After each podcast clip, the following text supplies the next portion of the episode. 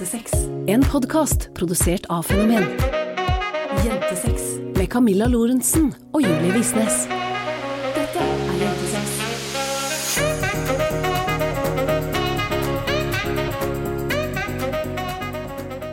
Hallo alle sammen, og velkommen til en ny episode med Jentesex. Podkasten hvor vi snakker om sex, seksualitet, samliv og selvfølelse. Og denne podkasten drives av meg, Camilla Lorentzen. Og meg, Julie Visnes. Jeg liker nå at du har lagt hele introen før vi sier navnene våre. Ja, jeg må Bare det. fordi at jeg ikke får til å gå opp. Ja, men sånn er det når man har veldig vanskeligheter for å lære seg nye ting. Eh, Så er det på en måte noe med at de rundt må improvisere og tilpasse. Og jeg bare har på en måte forstått at det er sånn jeg må gjøre det. Ja, tusen hjertelig takk. Yes, vær så god. Takk. Jeg setter pris på at du setter pris på det.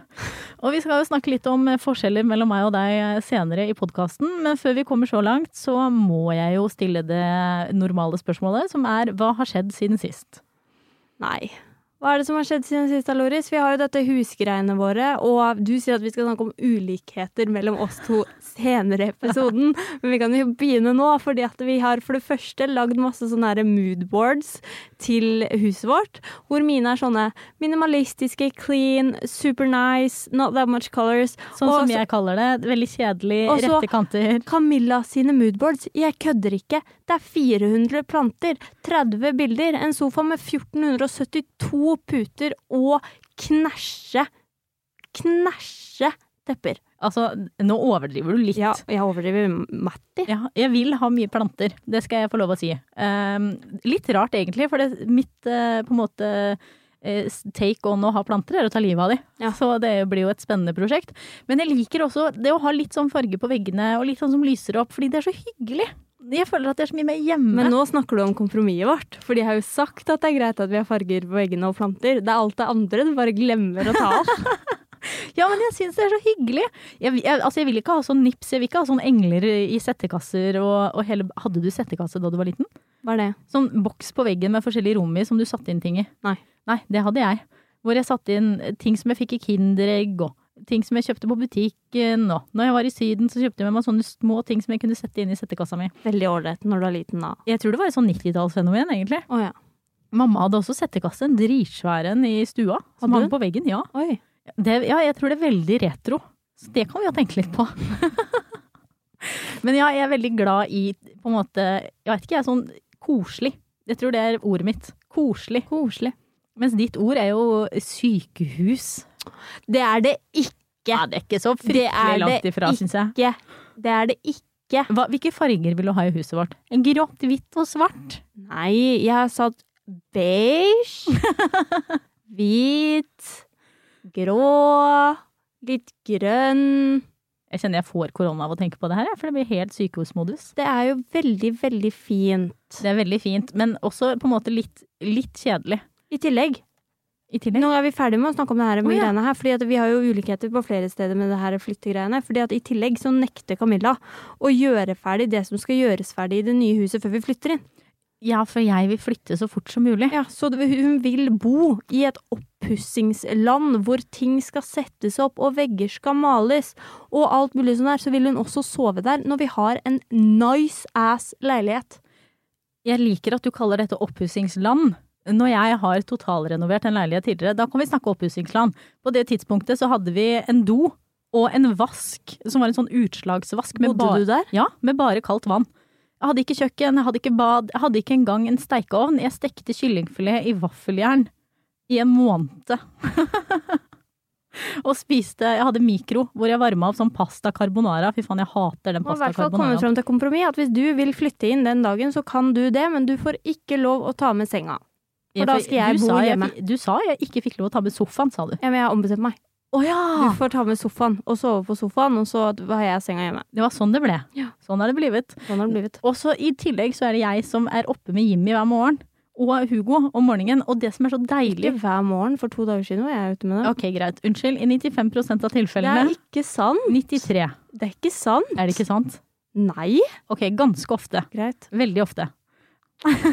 Greit, da. Så er jeg nede med disse hundene om morgenen, og i dette nye huset så har vi jo hage. Så jeg kan bare slippe de ut, og slippe å kle på meg og gå ned med hund og trille ut i snøen. Da må du også sette opp gjerde, da. Ja, men jeg har sånn puppyhjerne som jeg skal smæle opp, vet du. Så det kommer til å gå strålende. Så det jeg tenker er at enhver dag vi må bo i denne leiligheten, er en ny dag hvor jeg må ta på meg klærne klokka Men hundene kan bo i leilighet med meg, jeg kan gå ned med det. Ja, men så, Så da slipper du det i det hele tatt. Da slipper du alle hunder hvis du bor der alene. så det du vil er at jeg skal flytte ut så du får noen dager fri? Nei, det jeg vil er at huset skal være ferdig før vi flytter inn. Ja, jeg hører at du sier det. Det kommer til å ta litt tid, altså. Ja. Jeg skal jo sette opp en hel walk-in closet for deg òg. Og det blir jo Jeg har sagt vi kan kjøpe montering. Ja, det har du. Du har nekta, så ikke kom her. Og kom her. utover det så har du jo møtt på litt eh, motstand siden sist, Julie. Er det motstand man kan kalle det? Det der med Ah, nei, altså Jeg hadde jo på en måte Jeg vet ikke om det er lov å si, jeg, en form for konflikt. Mm. Um, og så var det jo ikke en konflikt heller, men det er, det er flere andre i Norge som selger presets, og en av de sendte meg en melding og sa at uh, tre av mine presets var uh, forliket hennes, uh, typ um, Hva da? Um, en time etter jeg hadde lansert. Eh, så jeg endra på de med en gang, og la ut oppdatert, sånn at de ikke lenger var på en måte for like hennes produkt. Um, ja, eh, og det ble ikke så veldig godt mottatt. Og da har på en måte, altså det vi har gjort, er at vi har sittet igjen med, med en sånn her greie om at hvorfor ikke folk i samme bransje kan heie på hverandre. Fordi at det blir litt sånn Det er umulig å, å lage completely different products. Altså for eksempel leverandører av tannkrem. da. Tannkrem er tannkrem. Ja, det er ulik smak, og det er uh, ulikt eh, design, og det er ulike ting, men det gjør fortsatt jobben, sant? Så når man også lager presets, så er det umulig å ikke ha Når man lager såpass mange, da, eh, ett et eller to som på en måte har i, i samme lane, samme uttrykk. Men det som skjedde, var at for det første så ble hun dritsur, og vi ringte henne, og hun eh, tok vel hersketeknikker herfra til månen, og, og sånn. Og så trodde jeg vi kom fram til, eh, til en ålreit løsning, og så sendte hun meg en ny melding på Instagram her om dagen, hvor hun faktisk hadde slutta å følge meg, og var veldig sånn Ja, um, jeg kunne ønske du bare hadde innrømt at du hadde kopiert, noe jeg ikke har, Uh, og ja. Så det vi har snakka litt om, er det der med, med å heie på andre, da. Fordi altså, jeg skjønner jo godt at man ikke er fan av plagiat, liksom. Ja, Altså- gud, det skal jo ikke være plagiat. Imagine liksom om noen hadde tatt noe av det vi lager og bare sagt at det var sitt eget og publisert det.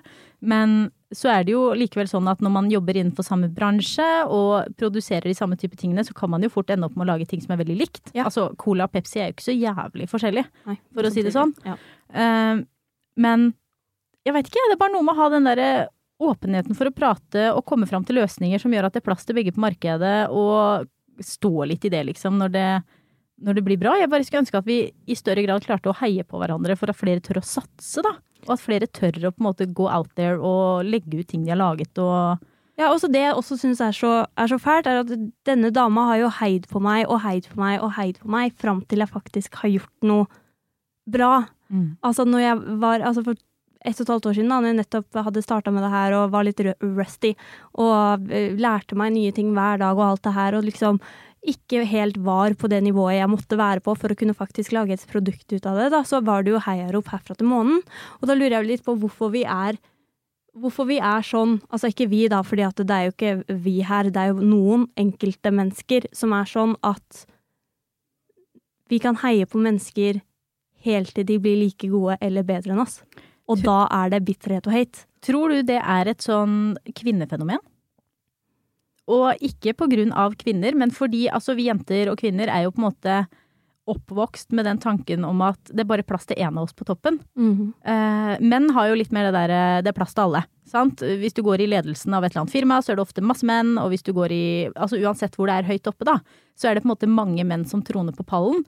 Mens jenter er i større grad lært opp til det at det er bare plass til én om gangen, og enhver person som gjør det samme som deg, vil på en eller annen måte være konkurranse.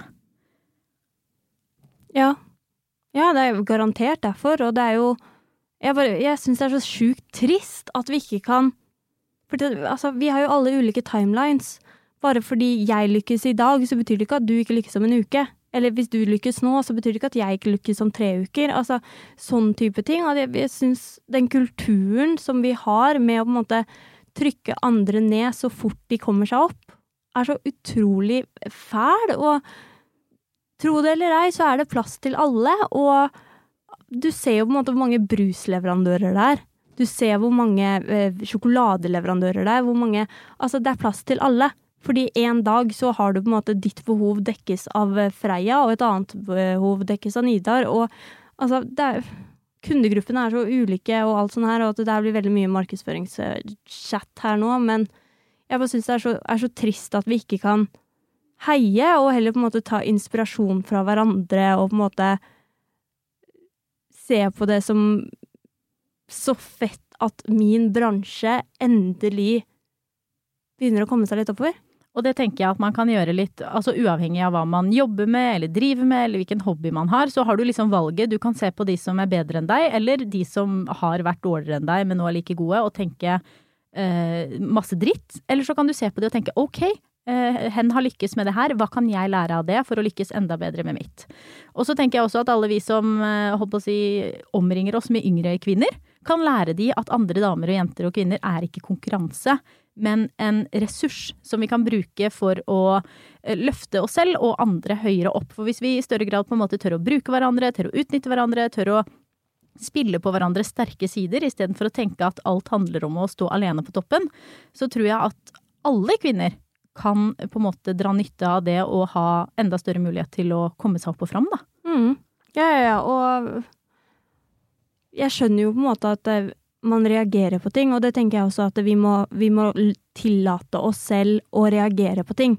Vi må tillate oss selv å føle på eh, sjalusi og bitterhet og alle disse følelsene som vi egentlig ikke er noe fan av, og så må vi endre handlingsmønstre ut fra den følelsen, fordi at hvis du reagerer på bitterhet med å act bitter, så kommer du heller aldri til å, å bli en person som klarer å heie på på andre mennesker, og det er faktisk noe jeg har jobba med sjukt mye selv, sånn opp gjennom eh, dansing og alt sånt her, fordi at det er folk fra klubben min som slo meg, og så blir man bitter, og så hvorfor er det ikke meg, og, og alt mulig sånn her, og hvis man faktisk ikke gjør en innsats med hvordan man reagerer, da, og faktisk stiller seg i et, en måte, i en posisjon hvor man klarer å være åpen etter hvert, og klarer å på en måte reflektere rundt hva faktisk saken er, så tror jeg nok vi får et et veldig mye hyggeligere konkurransemiljø på alle, alle plan. Mm, og det kan jeg jo bare dra over til selvfølelsesverdenen også. Eh, hvor fæl jeg var før til å på en måte dømme andre jenter ut ifra hvordan de så ut, hva de hadde på seg, alt mulig sånn. Hvordan det bare førte til at jeg på en måte la mer skam på meg sjøl. Og det der å begynne å heie på andre gjør også at de i større grad på en måte klarer å se dine egne prestasjoner for det de er, og heie med på deg sjøl. Så det er dagens lille take home message fra oss til deg. Det er rett og slett snakk om andre, vær mot andre som du vil at andre skal være mot deg. Og ikke minst som du vil at du skal være mot deg. Ja. Jentesex. Og med det så tenker jeg at det er på tide å hoppe inn i dagens tema. Og det blir jo et litt uh, hyggelig, men også kanskje litt utfordrende tema for oss å snakke om, Julie. Og nå høres det sikkert ut som at vi skal snakke om analsex, men det skal vi ikke. Vi skal faktisk snakke om kjærlighetsspråk. Fordi da vi ble kjærester, eller egentlig før vi ble kjærester, så var ikke det å vise hverandre kjærlighet noe problem.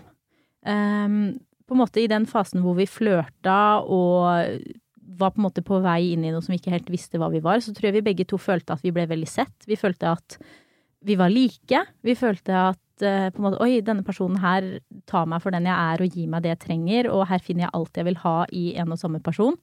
Men etter hvert, etter at vi hadde blitt kjærester og litt utover, så endra det seg litt. Det gjorde det. Vi begynte på en måte å se at vi var forskjellige, og jeg begynte å se etter forskjeller. Jeg begynte på en måte å lete etter det som var ulikt, mer enn jeg hadde gjort tidligere. Og de kranglene vi hadde, endte ofte opp med uttrykket 'jeg føler ikke at du er forelska i meg lenger'. Mm. Og det var jo sårt for både meg og deg å høre, for det var jo ingen av oss som ikke var forelska. Og vi brukte litt tid på å finne ut på en måte, ok, men hva er greia her? Og etter hvert så fant vi rett og slett ut at du og jeg har et veldig ulikt kjærlighetsspråk. Yes. Og kjærlighetsspråk, Julie, hva er egentlig det? Nei, altså det er jo sånn man ønsker å på en måte bli vist affection, da. Eller altså, jeg har jo ikke helt definisjonen i hodet, men det er jo handlinger eller ord eller tid eller alle disse ulike tingene som man på en måte får Um, og så er det ofte ett eller to som skiller seg ut, som blir veldig sånn Oi, shit, denne personen setter skikkelig pris på meg, denne personen er glad i meg, denne personen elsker meg, typ. Ja, det er liksom de tingene man, man får av kjæresten sin som gjør at man skikkelig føler seg sett og Ja. elska og verdsatt. Hva er dine kjærlighetsspråk? Uh, physical touch og word of affection. Hva er dine? Hva er det på norsk, egentlig? Det vet jeg ikke. Nei, ikke Fysisk heller. Touch.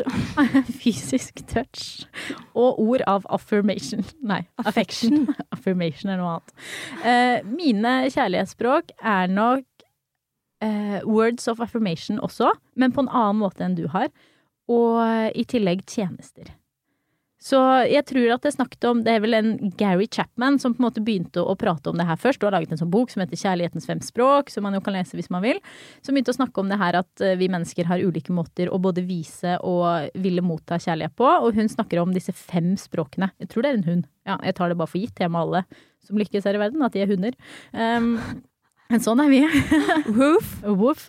Um, og at det er da words of affirmation. Affirmation, affection. Words of affection. Eh, kvalitetstid. Tjenester. Gift. Gaver. Og fysisk nærhet. Ja. ja. Og det vi på en måte merka i begynnelsen, var jo det her at det er så jævlig lett å gi det Eller etter hvert at det er så jævlig lett å gi det man vil ha tilbake. Ja, fordi at det er jo veldig sånn du i starten da var veldig sånn eh, tjenesteperson. Sånn liksom eh, lage mat, gå ut med hunder, gå ut med søpla. Liksom, I don't give a fuck. Jeg kan gå ut med søpla og liksom Det er ikke de tingene som gjør at jeg føler meg liksom elska. Det er bare sånn Ja, yeah, that's lovely, liksom. Skikkelig hyggelig av deg, men jeg kunne godt gjort det sjøl. Mens jeg, jeg føler jo at det på en måte er min sånn beste måte å vise kjærlighet på. Ja. Jeg tror aldri jeg viser så mye kjærlighet som når jeg lager middag til deg, liksom. Det er på en måte det, det største og beste jeg kan gjøre for deg, og jeg, liksom, jeg legger hele sjela mi inn i det her å lage et godt måltid og liksom ta vare på deg. Og så føler jeg meg som en rass når jeg ikke får praise tilbake. Nei, altså du får jo tusen takk, og det var kjempegodt, liksom. Og så er det that's that. Og så krangler vi etterpå om at du ikke er forelska meg lenger. Så det er jo fryktelig ålreit. Nei, men når vi på en måte kom inn i, inn i den chatten, da, så fant vi på en måte ut at vi begge gir kjærlighet på den måten vi ønsker å motta kjærlighet på. Så jeg gir deg physical touch og words of affection når det ikke er det som nødvendigvis på en måte er det du trenger, da. Jeg blir veldig glad for det, altså. Ja, ja, ja, men det er jo det samme Ja. som med tjenester, liksom. Man blir jo veldig glad. Det er bare ikke det som trigger den her wow, she loves me-følelsen. Og det er noe med det at når man er sammen med en person som har på en måte et completely different kjærlighetsspråk enn deg sjøl, så er det så innmari lett å bare føle seg liksom taken for granted, vet du, Ja. tatt for gitt. Ja. Og at man ikke Altså, jeg, jeg følte liksom at du ikke så meg, at du ikke At du ga faen i liksom hva jeg gjorde og brought to the table. Og jeg tror du også følte på en måte litt av det samme. Ja, skikkelig sånn. Altså, jeg følte jo at før vi ble kjærester, så tok du mer på meg, og du ga meg liksom flere komplimenter, og du sa liksom uttrykte deg mer verbalt da, enn du gjorde i starten når vi faktisk hadde blitt sammen. Og da var jeg veldig sånn, ok, men disse to handlingene matcher ikke, og det betyr at hun ikke er forelska lenger, typ. Men så hadde på en måte bare altså kjærlighetsspråket blitt uttrykt på en veldig annen måte, og det blir det jo også ofte i sånne forelskelses- og flørtefaser. Ja, det er jo noe med at jeg tror at mange kan kjenne seg igjen i det der at når man er forelska, så på en måte leiter man etter alt det som er likt. Og man, eller i hvert fall jeg, i større grad på en måte speila deg. Sikkert for å liksom vise deg at, at jeg likte deg, og så glemte jeg det litt etter hvert. At jeg ble liksom mer meg sjøl eh, etter hvert litt inn i forholdet. Og det betød jo ikke at jeg elska deg noe mindre eller var noe mindre forelska, men bare at jeg egentlig følte meg tryggere og turte å være mer meg selv og følte ikke at jeg måtte være like liksom på tå hev og, og vise deg alt hele tiden. Følte du det samme? Ja, Eller du har vært ganske lik hele tiden, kanskje? Ja, jeg føler nok Altså, det, altså nå var det jo litt komplisert i starten, da, fordi at det var jo ikke Vi hadde jo Altså, viste jo love language lenge før vi turte å si at vi var forelska. Um, så det på en måte var litt komplisert. Men jeg tror nok at jeg også altså, Man er jo veldig sånn vil gjøre alt for. Sant? Så da blir det jo flere måte, tjenester også Mm. som er ditt love language, sant? For det var veldig bare sånn derre I stedet for at For nå er det ofte sånn du sier noen, 'jeg må gå og hente posten', så sier jeg 'jeg kan godt gjøre det', og så sier du nei, da. Mens før så var det sånn 'jeg kan godt gjøre det', og så løp jeg ned og gjorde det for deg, liksom. Det var Ja. ikke noe sånn 'jeg venta ikke på at du skulle svare', eller noen ting sånn, så det kan godt hende at det, at det var sånn begge veier. Hvorfor tror du det forandrer seg liksom etter at den forelskelsesfasen går over? Altså, du har jo ikke like stort behov for å impress, tror jeg. Fordi at du vet jo, eller jeg vet jo da, at du er glad i meg og forelska meg, at du faktisk er kjæresten min, liksom, og, og alt det der, så det behovet som er liksom sånn I'm gonna get a girl, er liksom ikke der i samme grad after you got it, og spesielt ikke um, når du gir kjærlighet på den måten du ønsker å motta, fordi at da tenker du ikke over hvordan partneren din vil motta. Nei, du tenker liksom mer på deg sjøl. Du tenker liksom ok, men jeg liker det når hun gjør sånn og sånn og sånn, så da gjør jeg sånn sånn sånn tilbake. Det er litt sånn default-modus. At man liksom faller litt tilbake i det. Og det er jo ikke fordi man ikke gidder, eller tror du litt at man bare liksom tar det for gitt etter hvert òg? Nei, det kommer jo helt an på, da. Noen gjør jo sikkert det. Um, men det kommer vel gjerne litt senere i så fall. Tror du ikke det, da? Jeg aner ikke. Jeg tror de fleste går gjennom en sånn seksmånederskrise, faktisk. Ja, det gjør det kanskje. Ja, jeg har lest det. Vi har hatt vår lille seksmånederskrise, vi. Har vi? Ja, litt så. Vi har krangla litt og vært litt mer oppå Hva heter det? Eh, følt på hverandre. Ja. Sånn Ja. i rommet. Ja. Du vet man går rundt og liksom venter på Hva mener du nå? Ja, ja og, og går rundt og liksom tolker alt liksom enda mer enn man har gjort det før. Ja, ja, det er enig. Og den kommer liksom etter en sånn Når liksom Ikke at forelskelsen er borte, men når den liksom har, man har landa litt mer, da. Ja. I forholdet og landa litt mer i seg sjøl og landa litt mer i det som er. Og så begynner man liksom å Eller i hvert fall jeg begynner å leite etter litt ting som er forskjellige. Jeg begynner å leite etter ting som kanskje ikke er så bra som det skulle være, og så overtolker man signaler, og så er det lett å på en måte begynne å krangle om ting som kanskje ikke egentlig var noe som var der i det hele tatt. Valid. Men vi hadde jo en veldig god prat om det her noen måneder ut i forholdet vårt, Mm. hvor vi kom på en måte fram til at vi var ganske forskjellige. Ja. Og jeg skal ærlig innrømme at jeg syns at det var dritvanskelig å endre på hvor, og det syns jeg fortsatt, å endre på hvordan jeg viser deg kjærlighet.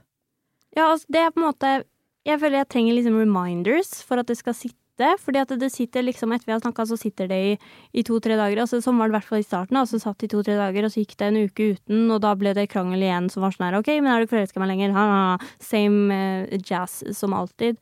Um, så jeg, jeg tror jo fortsatt jeg er i den fasen litt hvor jeg trenger liksom påminnere. Ja, for jeg sa deg jo, var det forrige uke vi snakka om det her med å si takk og sånne ting? Ja. Fordi det, altså jeg setter det så høyt, liksom. Ja. Fordi jeg er en tjenesteperson, da. Liksom det der å si i takk for alt mulig rart. Jeg tror Det var en periode hvor du sa takk for det meste.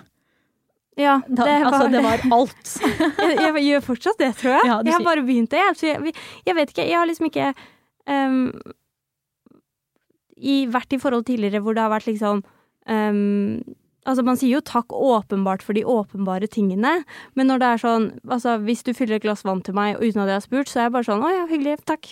Ja, og hver gang jeg går ned med hundene, tusen takk for at du gikk ned med hundene. Tusen takk for at du satt på den oppvaskmaskinen. Tusen takk for at du gadd å tømme søpla. Tusen, tusen takk for at du leter etter nøkkelen istedenfor meg. sånn, sånn der er vi nå. Og det verste er at jeg setter pris på det. Ja, jeg vet det. Jeg, jeg føler meg så uh, worthy Ja, når du det. sier takk for så mye. Men hvordan går man liksom fram for å Eller hvordan gikk vi fram for å endre på hvordan vi prater med hverandre? Altså, du har jo vært veldig tydelig, da. Ja. Og det, jeg vet ikke hvor tydelig jeg har vært, jeg klarer liksom ikke å tolke meg sjæl helt, men uh, du har i hvert fall vært ekstremt tydelig på det der med hva du trenger, og så har du også uh, vært flink til å på en måte gi ros når jeg har gjort det riktig, så jeg er Litt som å oppdra en hund, ja. Jeg er en hund. Um, men ja, når man er i, i et Altså in a point in a life, holdt jeg på å si, hvor, hvor man faktisk må endre kjærlighetsspråket sitt, så er det jo ikke default i det hele tatt. Det blir jo som å endre hvilken som helst annen vane. Altså, det, det er jo vanskelig, og det tar tid, og man trenger liksom oppmuntring og all that jazz, så um, Nei, det, men det har hjulpet veldig at du har vært så tydelig og, og sånn. Tror du det er litt sånn make it or break it? Kjærlighetsspråk. Ja, det der å liksom lære seg hva partneren din trenger. Ja. Mm. Ja. Ja, men altså, så trenger det ikke nødvendigvis på en måte knyttes til disse love language-boksene heller, tror jeg. Fordi at én ting er liksom at man har identifisert sitt love language og alt det der, men altså, vi har jo begge words of affirmation, og vi har det på helt ulike måter. Så Så ja, men ja, åpenbart så er det jo make it or break it i et forhold at du tar hensyn til hva partneren din trenger og vil ha. Mm. Tror du ikke det, da? Jo, jeg tror, det er, jeg tror det er dritviktig på en måte for det der å ikke føle seg litt sånn ensom i forholdet. Fordi og, og litt begge veier, sant. Fordi en ting er på en måte det å ikke få, men å heller ikke føle at det du gir blir satt pris på.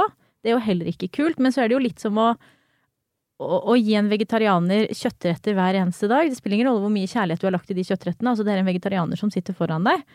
Uh, og jeg tenker at det er litt sånn med, med forhold også, da. At det, man må på en måte ha den praten hvor man finner ut hva partner faktisk vil ha. Fordi du kan jo heller ikke forvente å få masse tilbake hvis du bare gir ting som ikke faller i god jord, da. Nei. Hva syns du har vært mest utfordrende, da? Jeg syns at uh, siden du er så på det physical touch, og jeg er ikke det, uh, så syns jeg det er ganske vanskelig. Eller ikke, nå har jeg jo blitt ganske mye bedre, men jeg syns det var skikkelig vanskelig i starten, og jeg overtenkte det så sjukt. Sånn type herregud, uh, skal jeg kysse henne liksom fem ganger i minuttet? Eller liksom må jeg liksom kline hele tiden? Er det, skal jeg stryke liksom hvor mye? Hvor tett skal jeg sitte? Å eh, eh, ja, herregud, og så må jeg huske å kose på henne om morgenen, fordi da blir hun glad. Og så er det liksom eh, At det var veldig mange ting som jeg liksom overtenkte opp i hodet mm. mitt om hvordan jeg skulle gjennomføre det. Hva gjorde du for å, å komme fram til det som har funka, da? Var det pratende mest, eller på en måte har du prøvd deg fram, eller hva? Ja, litt begge deler, egentlig. Jeg har prøvd meg fram ganske mye, da. Og så går det jo i sånne bølgedaler òg. Og så føler jeg, altså litt som du sa med det der å endre en vane, jeg føler liksom at jeg legger inn en sånn skikkelig innsats. Og så føler jeg at det funker dritbra, og at du blir glad og alt er liksom herregud, og, og til å ta og føle på spenninga i det rommet her, for å si det sånn. Uh, og så glemmer jeg det litt, fordi det ligger liksom ikke latent i meg å, å være sånn nær-nær. Um, så jeg tror det er liksom mest en sånn finne ut av-greie, men også at på en måte du har vist meg at du ikke har stilt på en måte så store krav. Ja. Fordi jeg trodde sånn helt seriøst at eh, når vi gikk på gata, så måtte jeg liksom gå eh, og gi munn-til-munn-metoden samtidig. For at, det, for at det skulle være bra nok. Ja. Og for at det liksom Så jeg følte liksom at det var litt håpløst på tilfellet å liksom klare å leve opp til de forventningene du hadde om hva som skulle vært magi da, i et forhold. Um, men at jeg på en måte har har fått tilbakemeldinger på at det trenger ikke å være Vi trenger ikke å lime sammen ved hofta, liksom. Og gå og skile hverandre på ryggen 24 timer i døgnet. Men det hadde vært innmari hyggelig hvis du kommer og gir meg et kyss når du kommer hjem, holder rundt meg på kvelden, eh, danser med meg litt i stua i løpet av dagen og, og stryker meg på ryggen og sier at jeg er pen. Så er det litt sånn Det gjør det litt lettere for meg å klare å, å komme fram til det. Men jeg tror på en måte det som har vært alfa og omega for at vi i det hele tatt har klart å jobbe med det, har jo vært at vi har gjort oss sjøl og hverandre bevisst på hva som er kjærlighetsspråkene våre. For jeg tenker jo at det er sikkert lett å bare ikke vite også. Fins det noe test på internett? Det fins en test på internett, så klart. Det gjør det jo alltid med alt. Det kan man sikkert google. Test love languages. What language am I? Og jeg leste et eller annet sted at det er et sånn supergodt tips å sette seg ned med partner og ta hvert sitt ark. Ja. Og skrive ned hva som Altså lese da åpenbart gjennom disse kjærlighetsspråkene først, og så skrive ned hva som er ens eget kjærlighetsspråk, og også hva man tror at det er partneren sitt kjærlighetsspråk. Fordi da kan man ofte få litt sånn aha-opplevelser med at oi, shit, jeg trodde at det du satte mest pris på var physical touch, men så viser det seg at det du liker er at jeg sier takk når du lager mat. Mm. Oi, ja da skjønner jeg jo og så blir man liksom litt mer bevisst hvor man har trådd feil. Ja. Det står eh, på internett at det er en test som er veldig bra, som er, heter fivelovelanguages.com. Og der er det quiz både for children, teens, singles and couples and everything. Så I'd give that a go.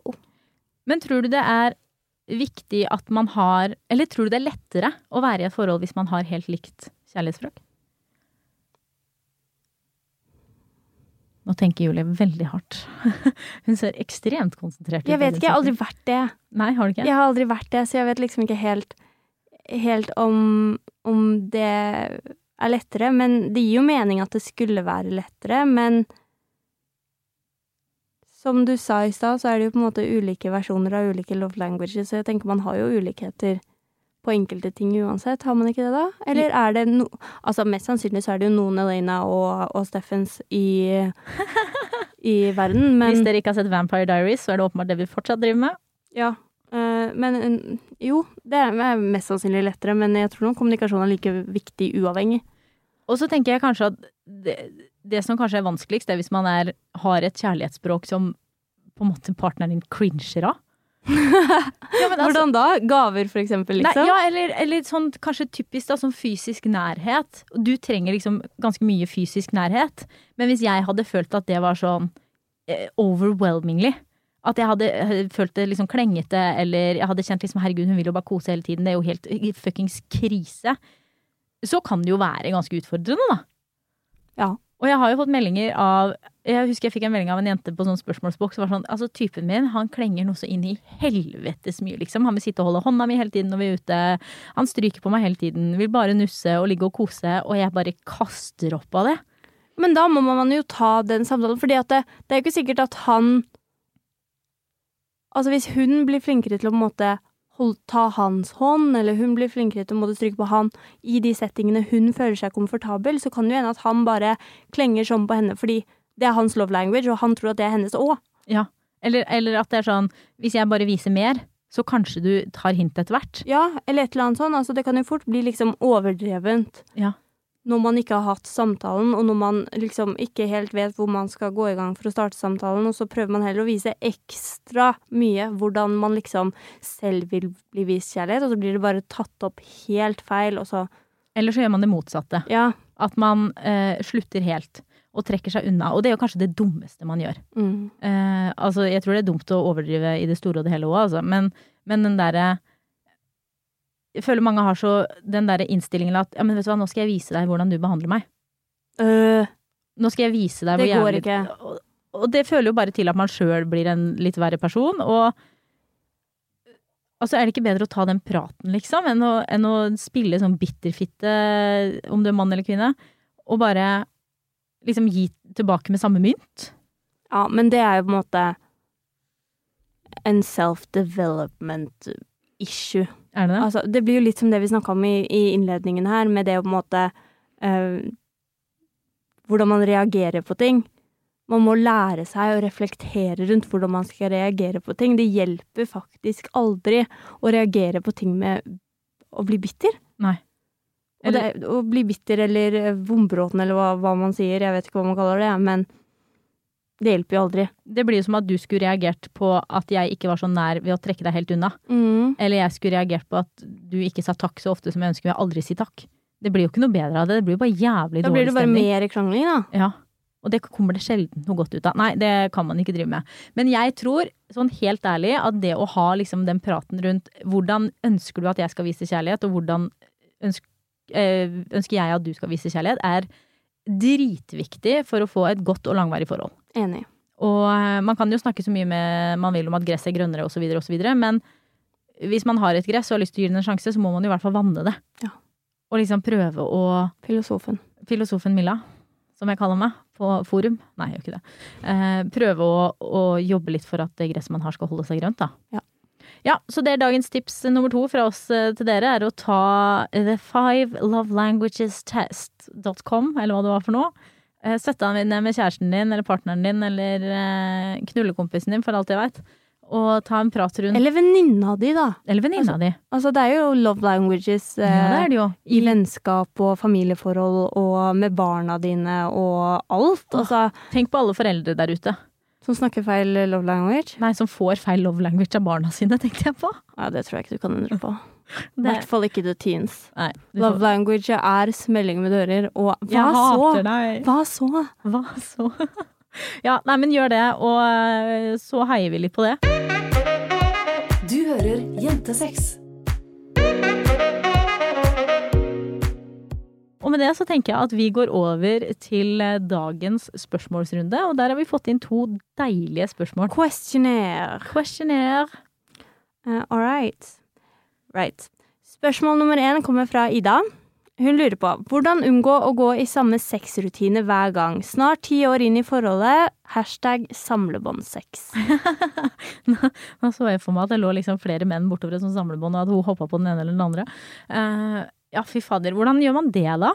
Fordi når man har vært i et forhold en stund, altså, og det blir jo litt som et kjærlighetsspråk, sant, så har man gått inn i en sånn rutine hvor det, ting gjentas og gjentas og gjentas. Og så er det jo ikke nødvendig sånn at det som gjentas, er det som får blodet til å bruse og hjertet til å flimre.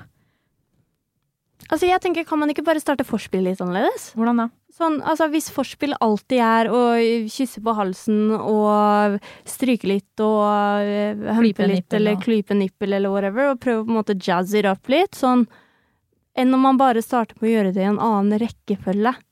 Klippe nibbelen først, liksom? Ja, altså For å på en måte get going med en sånn annen type greie, så kan det jo være Altså det er jo vanskelig i starten når man har en satt liksom sånn fast rutine. Sånn OK, klyp i nippel, eh, kyss, slikke, jokk, ferdig.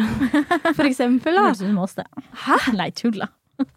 Det er helt feil rekkefølge for oss. Ja, det er helt Det er andre rekkefølgen for oss. Eh, men tror du ikke det kan på en måte være en, en fin start å bare switch up the foreplay, og så kommer liksom fordi at når man kommer inn i sexen med en annen form for kåtskap eller whatever, da, um, så blir kanskje sexen litt annerledes, og så jazzer det opp litt, og så går det litt sånn i en sånn trapp. Så det blir liksom terskelen for å gjøre noe annet når man er liksom i hovedakten, blir også litt lavere hvis man bare har endra litt på det man alltid gjør. Altså, jeg vet jo ikke, da. Nei, Dette jo, er wild det- guesses, Jeg syns men det høres ut som en supertid. Og så er det jo også noe med det at ved å bare endre litt på rekkefølgen, da, så går man jo ikke helt ut av komfortsona. Det er ikke sånn at man drar fram liksom en strap-on for første gang og sier til mannen sin at nå skal jeg ta deg rumpa. eller kommer inn med sånn latex-suit. Oh, sexy. Nei, da, man går liksom innenfor det kjente, men allikevel eh, switcher opp litt, sånn at det kanskje er lettere for Ida å, å få litt mer ut av selve sexen også. Ja, eller at terskelen blir i hvert fall lavere for å eh, bryte den rutinen, da. For Mm. når det blir sånn samlebåndsex hvor du gjør det samme hver eneste gang, så hvis du bare bryter opp ett punkt av det samlebåndet, så er det jo ikke samlebåndsex lenger. Å, der er filosofen Julie ute og går. The Philosopher Jules, som heter på forum. Det heter du på forum. ja, men det syns jeg var en skikkelig god idé, og det håper jeg Ida tester. Eh, neste gang du skal ligge med partneren din, vi vet jo ikke engang om dere er mann eller en kvinne, for så så er det vårt tips til deg at du holder deg innenfor rammene, men tør å endre litt på rekkefølgen. Sånn at uh, du legger på en måte litt nye føringer for hva det er lov å gjøre i lakenet. Og så kan jeg også tipse om å hviske inn i øret til partneren din hva du skal gjøre med henne i løpet av sexakten under forspillet. Er et uh, supertips å ta med seg også. Ja, Hatt, hatt. jeg vil at du skal Og husk i å oppdatere oss. Ja. Please. Ikke- Sånne her ting er veldig spennende, syns jeg. Men ikke med videomateriale. Nei, vær så snill, ikke. Fått for mange dickpics denne uka. Ja, jeg òg. I don't get it. All right, neste spørsmål kommer fra Molly. Molly. Yeah, I just need an English name. Eh, en jeg holder på med, ingeniør... Hvordan sier man det? Initierer. Initierer. Ofte sexting. Har ikke sexting. Faen. Vil du begynne på nytt? Ja, Vær så god. ok. En jeg holder på med, initierer ofte sexing. Nei. kan du lese? Jeg skjønner ingenting. Ok. En jeg holder på med, initierer ofte sexting. Jeg har ikke sett ham på seks uker, og syns det er en fin ting for litt spenning når vi ikke kan se hverandre. Men jeg blir kjempestressa hver gang fordi jeg ikke vet hva jeg skal svare. Jeg går fort tom for ting å si, og én plass går jo også grensa for meg. Og jeg vil bare si, Molly, at I hear you. Eh, sexting er for meg noe som er fantastisk i teorien, men i praksis så er det altså det kleineste jeg gjør. Altså, jeg syns det er helt jævlig. Og jeg skjønner ikke på en måte hva jeg skal skrive, annet enn mm, prikk, prikk, prikk. Det jeg alltid skriver. Mm, prikk, prikk, prikk. For å på en måte, jeg vet ikke, leve opp til de forventningene jeg føler at Visnes har til mine sexting-egenskaper. Dine sexting-egenskaper er jo non-existent. Ja, de Ja, de eksisterer ikke ikke. Vi har sexta én gang. Ja, det var én gang for mye. ja, ja, men jeg syns det er så jævlig Hva kleint. hvis sexting er mitt love language? Ja, da må du jo uttrykke det bedre. Det hadde vært fint om du uttrykker det. Har man en sine litt underlera? Ja, da må du faktisk det.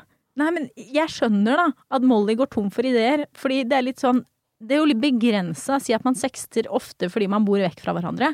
Så syns jeg det er begrensa hvor mange ganger det liksom er digg å si 'Å, jeg elsker når du tar meg bakfra'. Altså, Hun er i et sexting-samlebånd. hun er på et sexting-samlebånd. Ja, men altså, hvor, hvor mye kan man variere det, liksom? Kom med dine tips, sexting queen Visnes. Jeg er jo ikke sexting-queen. Jeg har ikke sexta så mye. Høres Du sånn har jo sexta mye mer enn meg i din previous lifetime. Men Det har jeg faktisk, og Ja. jeg hata det. Gjorde du? Ja. Ja. Det er sånn jeg Nei, sitter og altså- later som at jeg er kåt og setter melding. Kan man ikke liksom eh, gjøre det litt mer innocent, da? Med å liksom eh, starte dagen, holdt jeg på å si, med å bare si hva man har kledd på seg og all that jazz, og så move along til eh, Når jeg satt der og da, så tenkte jeg på da, da, da, da blir jeg litt våt i trusa. Jeg skjønner at det er et tips, men jeg tenker også da legger man også til rette for at det er en hel dag med sexting. og det høres for meg ekstremt slitsomt ut. Det, da, da hadde jeg brukt opp Men min mentale herregud, kan man ikke google, da? Bare laste ned erotiske noveller Ja. og bruke det Ja. som på en måte inspirasjonas. Ja. Og det var ikke en veldig dum idé. Det heier jeg på. Og spesielt hvis det er klipp og lim. Skjønner du? Ikke klipp Hvis og lim. kan, jo, men hvis du Gjør kan litt om på det, da, men ta litt innspo. Det finnes jo Litt sånn som man gjorde på barneskolen når man fikk beskjed om å skrive et sammendrag om livet til eh, eh, Anne Frank. Ja. Det skal, herregud. skal ikke skrives rett fra boken. Står det sånn Anne Frank var en jente som bodde i Vet du hva jeg gjorde da? I Jeg, Nederland jeg, bodde en kvinne som het Anne Frank. Ja, jeg, ja, altså, literally, jeg googla det på engelsk og oversatte det til norsk. Jeg. Ja, det- Fikk aldri plagiat. Nei, det var lurt. Jeg kan jo ikke oversette, så det hadde ikke funka så godt for meg. Men jeg bare bytta litt om på rekkefølgen, og det føler jeg er lov. Ja. Eh, Så det du kanskje kan gjøre, Molly, er å gå inn og google si ti forskjellige erotiske noveller. Laste ned disse, og så bare på en måte spre det utover. For si at du har ti erotiske noveller som alle er på sånn to sider hver, og så sender du bare ett og ett avsnitt. Så har du jo faktisk sextingmateriale for en tre til fire måneder framover. Og hvis du da begynner på nytt igjen, så merker sikkert ikke vedkommende det. Og så eh, var det noe greier med grensesetting. Ja. Sett grensa. Ja. Ikke føl at du må på en måte eh, gjøre noe mer enn eh, grensa er, på en måte. Altså, sett grensa. Ja, og det gjelder jo på, på en måte alt. Ja. Om det er sånn at uh, den du sexter med på en måte går veldig down the hard lane, for å si det sånn, da, og det ikke er noe for deg, så kom deg vekk fra den lanen. Og vi sier public service announcement, public service announcement, I'm a softie. Ja, for det er ikke noe gærent i å love vanilla sex. Nei, Camilla gjør det. Ja, eh, best jeg vet. Så vi trenger ikke å legge opp til at liksom røff sex er noe alle skal digge og alle skal måtte gå gjennom, fordi det er om, Jeg ikke. liker jo ikke røff sex. Nei, du gjør ikke det. Du er ganske vanilje du òg, Ja. jenta mi. Ja. Ja. Two vanillas eh, coming at you her, og det har vi no shame rundt. Jeg vil, Gud, gjør jeg det som føles bra. ja, jeg vil heller ligge og se deg inn i øya og jokke på deg, enn å slå deg på rumpa og kvele deg. Takk, og det setter jeg veldig stor pris på. For Men det hva hadde vi gjort gjort hvis det var motsatt?